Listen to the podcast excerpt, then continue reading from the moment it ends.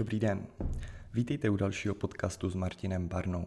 Dnešním tématem budou bílkoviny a zpracované potraviny. Eh, budu stavět na příspěvku od kolegy Miloslava Šindeláře na komunitě Institutu moderní výživy. Strašně se mi líbil jeho nedávný příspěvek a chtěl jsem o tom natočit video. Míla vlastně poslouchal podcast, který eh, vlastně vedli eh, s těmi vědci, kteří se zabývají zvířaty a konzumací, řekněme, bílkovin a takzvanou protein leverage hypothesis. A ukazuje se, proteinový pakový efekt se to dá volně přeložit do češtiny. Ukazuje se, že existuje analogie mezi výživou zvířat a výživou lidí a dá se říct, že výzkumy na myších a kobylkách ukazují, že ty zvířata účinně regulují eh, příjem potravy podle obsahu bílkovin ve stravě. To znamená, že když nají dostatek bílkovin z toho, jak jí, tak přestanou automaticky jíst. A tímhle regulují to, kolik toho celkově nají té potravy jako takové.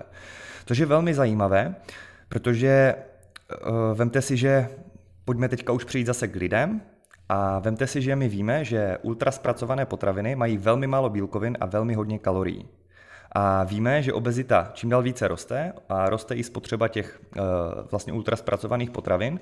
A problém je tam v tom, že ta ultraspracovaná potravina má velkou energetickou densitu, hodně kalorií, ale nemá moc těch bílkovin oproti nějaké méně zpracované nebo nespracované potravině, která má těch bílkovin většinou více, větší sytící efekt tedy, a méně má těch kalorií. To znamená, sníte více potravy, jste více sytí, ale sníte méně kalorií. No a tím pádem, když vy vlastně budete konzumovat převážně, nebo z části řekněme, tu ultra zpracovanou potravu, no tak sníte velké množství kalorií, než najíte ten dostatek bílkovin oproti lidem, kteří jí méně zpracovanou potravu. Což je docela zásadní problém, protože s rostoucí obezitou potřebujeme nějak regulovat vlastně tu nauku o stravě pro lidi a nějak jednoduše a já vždycky tvrdím všem lidem, pokud chcete udělat jednu věc ohledně výživy a zlepšit své zdraví, hlavně pro ty, co chcou hubnout, jste třeba obézní, máte nadváhu, nechcete nic řešit, jenom něco jednoduchého, tak se zaříďte, že v každém jídle, co sníte, budete mít v uvozovkách co nejvíce bílkovin a ideálně k tomu vlákniny. To vás velmi zasytí a když to fakt takhle budete dělat, tak automaticky snížíte ten příjem těch kalorií a když se budete trošku víc hýbat nebo nějak cvičit, pravděpodobně už takhle dosáhnete zlepšení zdraví a výsledků a ty bílkoviny a vláknina, já dodávám za sebe, mají stejně velký přesah i zdravotně a ze hlediska regenerace, imunity, prodámy pleť, vlasy a tak dále, takže vám se to nemůže nevyplatit, i kdyby se vám ne, nepodařilo začít hubnout jenom tímhle pravidlem. Že ten příjem bílkovin je velmi důležitý. A teďka konkrétně, já tu studii nazdílím buď někde do komentáře nebo někde do popisu videa, podle toho, jestli se budete dívat na Instagramu, YouTube nebo poslouchat třeba na Spotify či Apple Podcasts. A vemte si, že krásná uh, Randomized Controlled Trial, trial studie, randomizovaná dvojitě zaslepená studie. To znamená, že tam jsou vychytané detaily jako placebo a nějaké další věci ohledně toho, že jsou tam různé podmínky a různí lidé, zjednodušeně řečeno pro vás. Co chci teda říct, že ta studie je velmi dobře postavená a je průkazná. A je to studie od Kevina Hola, který vlastně ukázal, eh, já to zhrnu nějak jednoduše a rychleji. Jo? Míla tam sdílel i krásný graf z té studie, který ukazoval přímo to, že ti lidé, byly dvě skupiny lidí. Jedna měla nes, řekněme nespracované potraviny a druhá měla ultraspracované potraviny před sebou. A teď jim řekli, já to zjednodušuju, prosím vás, jeste kolik chcete. Najeste kolik chcete, až se budete cítit prostě plní a přestanete jíst přirozeně. Ad libidum se tomu říká. A teď si vemte, že výsledek byl takový, že i ta skupina s ultraspracovanými potravinami, i ta s nespracovanými, téměř na gram najedli stejně bílkovin v té chvíli, kdy přestali jíst. To znamená, obě skupiny měly velmi očividně stejnou nebo velmi podobnou potřebu toho příjmu těch bílkovin, ale jak jsme si řekli, ti s tou ultraspracovanou stravou najedli na ten den o 500 kalorií více.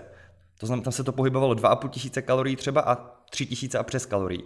Takže si vemte, že dvě skupiny najedly stejně bílkovin za ten den, ale tím jenom s jedním rozdílem, že jedni jeli ultraspracovanou potravinu, eh, potravu, druhý nespracovanou potravu, tak najedli o 500 kalorií navíc na den s tou ultraspracovanou. To je rozhodně značně signifikantní a těch 500 kalorií už může u klientů dělat rozdíl mezi třeba lehce hubnu a už udržuju nebo přibírám tuk. A teď si vemte, že když to takhle děláte běžně, tak se pak nemůžeme divit, že přibíráte, versus, že někdo třeba hubne. Já tím neříkám, že si nesmíte nikdy dát nespracovanou potravinu. Já tím jenom vysvětluji zase tu důležitost těch bílkovin a tedy, když už Nechcete občas jíst tu zpracovanou potravu, nebo což asi pravděpodobně hodně z vás bude chtít, tak se snažte mít dostatek těch bílkovin a vlákniny v tom dni nebo v těch jídlech obecně. To vám pomůže regulovat ten apetit i tak a bude to aspoň o něco lepší. Tak či tak, ale tady máte další důvody k tomu, proč se snažit upřednostnit nespracovanou potravu. Sníte méně kalorií, více bílkovin, více vlákniny a budete sytější. Takže zase zůstává to, co já už tvrdím téměř 10 let. Je důležité jíst dostatek bílkovin a vlákniny na den, na týden a ideálně v každém jídle. A tohle vám bude kontrolovat apetit, tohle vám pomůže k tomu, abyste méně přibírali a nebo s nás hubli.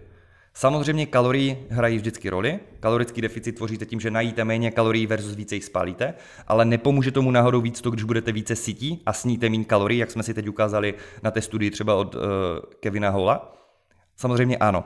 Jestli to bude stačit na to, abyste dosáhli toho nahubnutí tolika kilo tuků, co chcete, Nevím, u spousty z vás určitě ne, ale rozhodně to rozhýbe nějaké první výsledky a když na to pak navážete dál, tak můžete dokonce velmi dobře rozjet proměnu za skutečně postavou třeba vašich snů nebo prostě za lepším zdravím. A to si myslím, že rozhodně stojí za to. Doufám, že se vám video líbilo a be effective.